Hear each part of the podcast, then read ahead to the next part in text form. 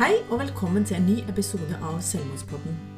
Poenget med denne podkasten er at ikke én til skal velge denne løsningen. I dag er du her med Anne Gelibrekke. og Kine Reinertsen.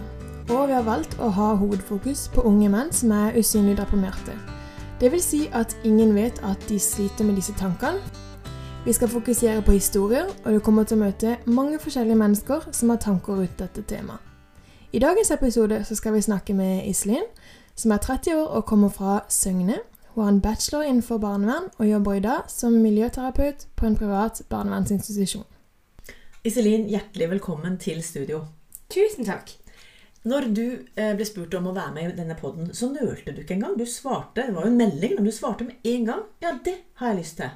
Hvorfor i huleste turte du å Eller tør du å være så tøff og uredd når det kommer til et så skummelt tema? Vet du hva? Eh, er det noe jeg har lært i livet, så er det det eh, at de mest sårbare temaer er de viktigste å snakke om. Altså at det, dette temaet er jo et vanvittig stort eh, samfunnsproblem Mm. som ikke er klart å dempe. Så er det liksom hvor, hvor er det vi gjør galt? Hvordan kan vi hjelpe disse menneskene som er usynlige og synlig deprimerte? Hvordan kan vi finne bedre metoder å hjelpe dem på? Nå har du jo mange spørsmål, Iselin, Ja. etter hverandre. Og det er jo store spørsmål. Det det. Men media er på det. Vi vet at det er satt av midler til å skulle starte opp og gjøre andre ting på liksom politisk plan og alt mulig sånn. Mm. Men jeg tror kanskje at veldig mange privatpersoner også har en jobb å gjøre. Vi trenger å lære om det, trenger å være åpne. Ikke minst, nå har det vært mye media i jula. Mm. Ja, og det er utrolig trist å høre eh, sånne nyheter som Ari Behn, og som at vi i vår eh, nære relasjon liksom, mister Thomas. En person som alle var så glad i. Ikke sant? At dette her er vanvittig tøft og vondt og vanskelig å forstå. Så er det enda viktigere for meg, føler jeg, å være med og bidra til å kanskje få en større forståelse. Altså, Vi har jo ikke svar på alle spørsmål. Det er noe av det vi ønsker i Selvmordsbåten. Vi skal være ekte. Mm. Det, altså jeg spør deg jo, Du har en utdannelse i barnevern, men du har også opplevd tøffe ting sjøl. Og du har, øh, jobber i en tøff jobb hvor du blir konfrontert med mye av disse tingene. Så sjøl om du er bare 30 år, så har du mye erfaring. Og jeg tenker du kan kanskje gi svar på noen ting av disse tinga som både meg og Kine og veldig mange andre lurer på. Jeg syns det var litt kult at det står såpass mye i media nå at det beste vi kan gjøre, er å være åpne om det. Mm. Altså, jeg tenker eh, i forhold til um, Når det kommer til selvmord, som er så tabubelagt da, eh, i mange av våre hoder Altså, jeg tror ikke det finnes ett menneske der ute som aldri har vært en form for deprimert. Som har, aldri har tenkt at 'nå orker jeg ikke mer'. Altså til, i forskjellige grader. Og så er det noen som bare ikke klarer å komme tilbake ut av det mørke de eh, lander i. Ikke sant? For vi har et sånn et vanvittig press fra utsida som ikke eh, alle takler på samme måte. Og da trenger vi hjelp fra hverandre og oss. Altså at vi kan stå sammen med det, vi kan snakke om det. Vi, vi er ikke aleine. Det er det vi må få ut. Sant? Vi må få folk til å forstå at det er faktisk ikke farlig å si at 'jeg har det ikke bra'. Mm. Jeg trenger hjelp. Men, men går det an Nå skal vi snakke litt om jobben din, men jeg har Mm. lyst til å spørre også sånn i vennegjengen. Nå er det jo veldig i media med Ari Behn. Eh, når Thomas døde i august, så var det veldig mange som snakka og sendte meldinger og sånn. Mm. Er det ok å snakke om dette når man er i 30-åra? Til venner. F.eks. å si at du, 'jeg sliter med sånne tanker', eller 'jeg er deprimert', eller et eller annet. Eller blir du så stempla at uh, det stempelet har du ikke lyst til å ha med deg? Vet du hva, Eh, jeg er så heldig å ha den mest fantastiske familien og vennene mine rundt at jeg føler uansett hva jeg sier, så blir jeg akseptert. Og jeg føler nesten at jo mer sårbar jeg er, jo mer glad blir vi i hverandre. I forhold til at eh, når en tør å vise seg fra den sårbare sida, så åpner en opp en dør til Altså det blir ikke den der frykten for å Ja, at du må skjule noe hele tida, ikke sant? Er du, For altså, folk du- er redd for å miste, Ja. miste vennskap og miste posisjon. Når du hele tida føler du kanskje må skjule den du egentlig er, så blir det litt vanskelig å holde den maska for lenge. Sånn som det var i Thomas i tilfelle, da. Mm. Ikke sant? At det var ingen som skjønte, ingen som trodde, ingen som kunne forstå. at han ikke har klart å sette ord på hva det egentlig var. Men det er jo det at vi vet jo at vi hadde jo elska den gutten uansett hva han hadde sagt for noe. Men, men det der å tørre å være åpen Jeg kjenner at jeg er liksom litt sånn klump i halsen nå. For Mm. jeg kjenner jo familien din og vet Mm. litt hva dere har vært gjennom og sånn. Så det at man ikke kan Vi kan ikke dytte det vekk. Altså Hvis det er noe som skjer i et land langt borte, så klarer vi liksom Eller en, en situasjon Ja, det er bare folk som er innlagt i psykisk helsevern som gjør dette her. Men det er jo ikke det. Vet du hva, Statistikken sier jo det at de som tar selvmord, er jo Flesteparten av de er jo utenfor psykiatrisk hjelp. Og det er jo de usynlige, som man kan kalle de da, ikke sant? Som folk bare Hæ? Jeg hadde ikke idé om at det mennesket der var deprimert. Nei. Og så er de plutselig borte. Hvordan kan vi lære å se tegnene, og hvordan kan vi lære disse menneskene som opplever de følelsene, å åpne opp og si bare 'Jeg trenger hjelp'? Jeg tror noe av det du gjør, Iselin, med å stå opp og si 'jeg tør å prate om det', og dere kan prate til meg om det som person, uten at dere mister ansikt for meg, så gjør det en kjempejobb, bare det. Jeg håper det. Og nå skal vi snakke litt om jobben din, for den er jo Mhm. ikke helt sånn Du jobber jo ikke i Nå skal jeg ikke si at ikke kassa på Kiwi er viktig, for der har jeg hatt mange fine samtaler, men Mm. du jobber jo og har valgt et yrke hvor du jobber med mange mennesker som har, eller ungdommer som har hatt det tøft. Ja, eh, altså Jeg føler jo egentlig hele livet at jeg har hatt en sånn indre Et indre behov for å hjelpe andre, og at med å hjelpe andre så får jeg det bedre sjøl. Altså, jeg blir på en måte tilfredsstilt, da. Og det å prøve å gjøre hverdagen til noen lettere, selv om kanskje alt annet er kaos og stormer, så føler jeg at eh, mitt mål er å prøve å hjelpe de der og da til at eh, altså, skape lysglimt og skape trygghet og kjærlighet. Altså, jeg er jo der at alt Alt som finnes bunner i kjærlighet. Ikke sant? Det er det som er det største som finnes. Så hvis vi kan bare hjelpe en ørliten bit, så er det på en måte godt nok for meg. Mm. For Det virker som det kanskje er litt sånn gjentagende for folk som sliter. At de har sånn en skam og sånn en Altså, de, de gir masse kjærlighet ut til andre, Mm. men de klarer ikke å få til å, å åpne opp for å ta imot kjærlighet sjøl. Så det der å, å fortsette å pushe på og, Mm. og si at det, for det om du blir sårbar, for det om du sier noe som du tenker nå kommer alle til å forlate meg, Mm. så elsker vi deg så høyt, og så setter vi så pris på det. Mm. At eh, Ja, men det å være ærlig mot folk og, altså, Sånn som jeg tenker med oss, spesielt sørlendinger, da, som er veldig dårlige til å ta imot komplimenter, altså meg inkludert. Jeg blir jo helt satt ut hvis noen liksom skal drøsse meg komplimenter. i forhold du har bodd i. USA. Ja. Du er jo vant til å si 'thank you' hvis noen sier noe. Ja, men altså, jeg blir, jeg blir ordentlig satt ut. Sånn i forhold til hvis jeg får konstruktiv kritikk, da, for da er det noe jeg må jobbe med. sant?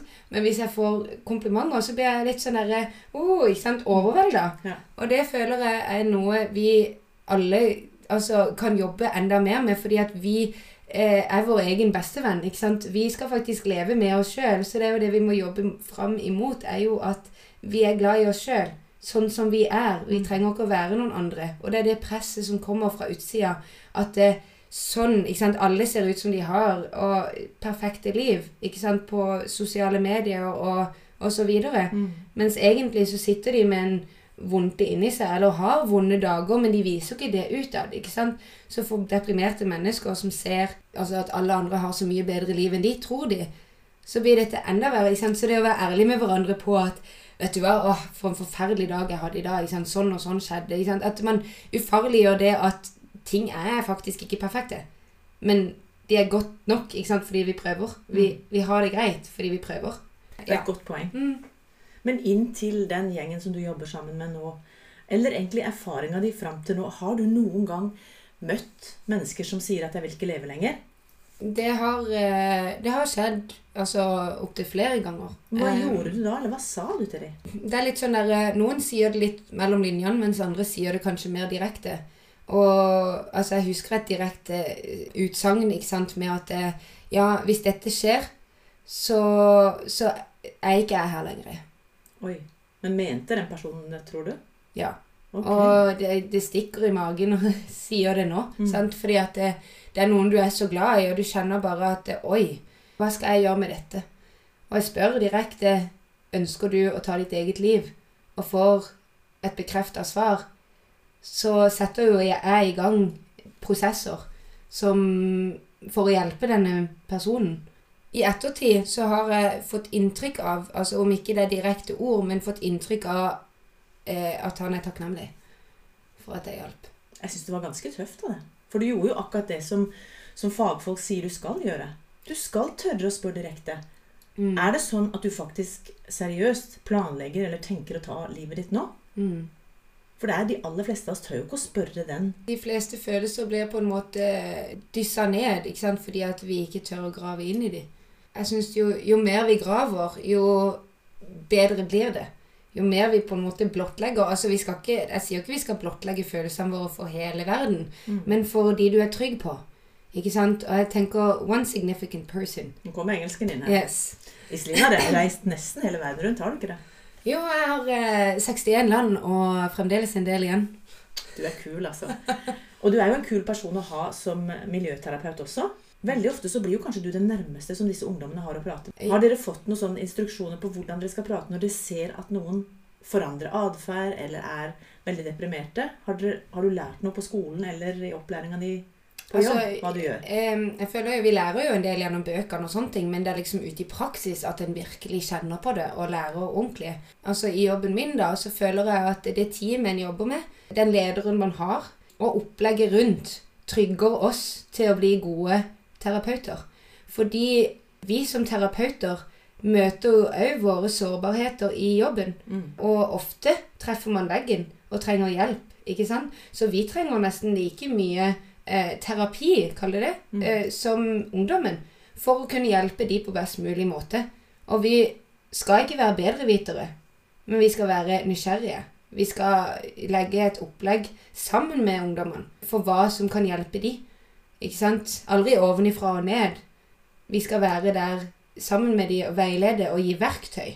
Veldig mange ungdommer opplever jo at ikke de får hjelp, eller de opplever at ikke de blir hørt. Mm. Eh, og de må vente kjempelenge, og det er i dag jeg har problemer. Mens du er jo i en jobb hvor det at dere faktisk kan hjelpe med en gang ting Mm. oppstår. Mm.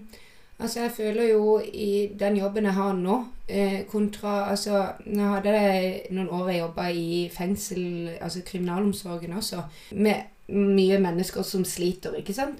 Hvor jeg ikke følte at jeg strakk nok til, hvis du skjønner. Man har ikke nok tid, ikke sant? For det er så mange mennesker, og er, du er bare på i, i små skift og alt sånt der, og du kommer ikke helt inn til the core, ikke sant, hvor du kan hjelpe.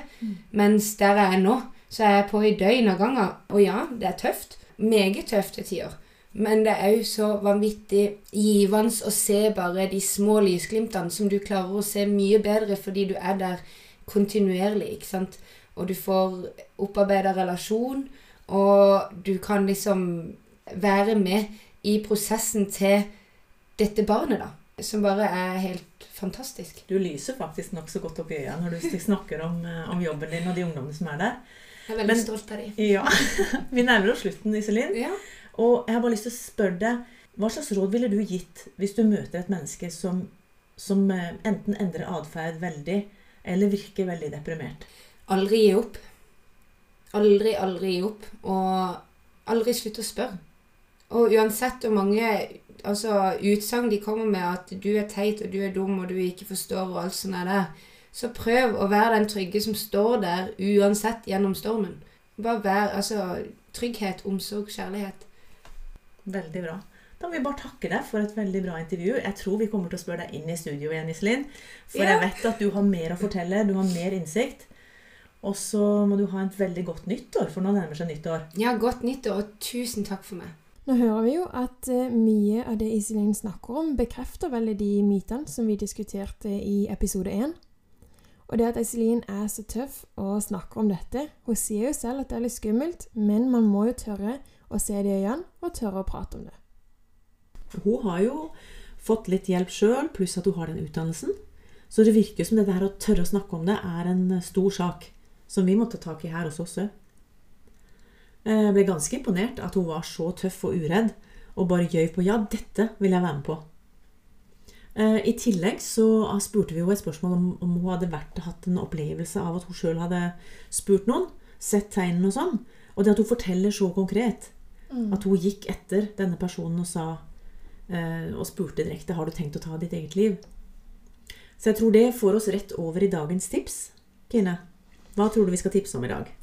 Nei, dagens tips er jo litt det vi allerede snakka om. Men eh, det å tørre å være direkte, tørre å spørre, spørre de spørsmålene, og skikkelig ta tak i noen hvis du merker at de endrer atferd, eller eh, ikke er helt uh, sitt gamle jeg, da. Så uh, Og det er jo litt andre tegn også. F.eks. noen sletter jo Facebook-sidene sine. Noen uh, begynner å gi vekk ting.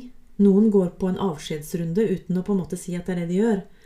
Men at vi snakker om disse tingene, og at vi som har mista noen, også kan fortelle om hva slags tegn er det vi har skjønt i etterkant at vi burde ha sett, så er jo det en, en stor ting å ta med seg videre. Vær obs på det, og ikke vær redd for å spørre. Og rett før vi avslutter, så går vi gjennom ressurser som dere kan bruke hvis dere trenger noen å snakke med. Eh, er det helt kritisk, så skal man jo selvfølgelig ringe 113.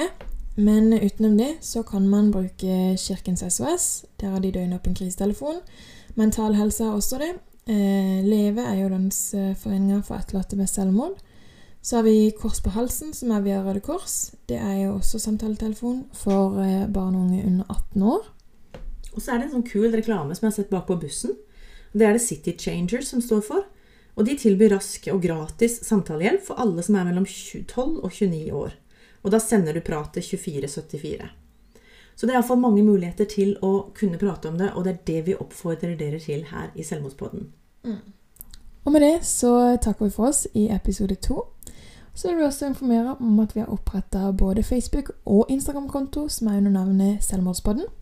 Hvor dere kan finne oss eh, og kontakte oss hvis det skulle være ønskelig.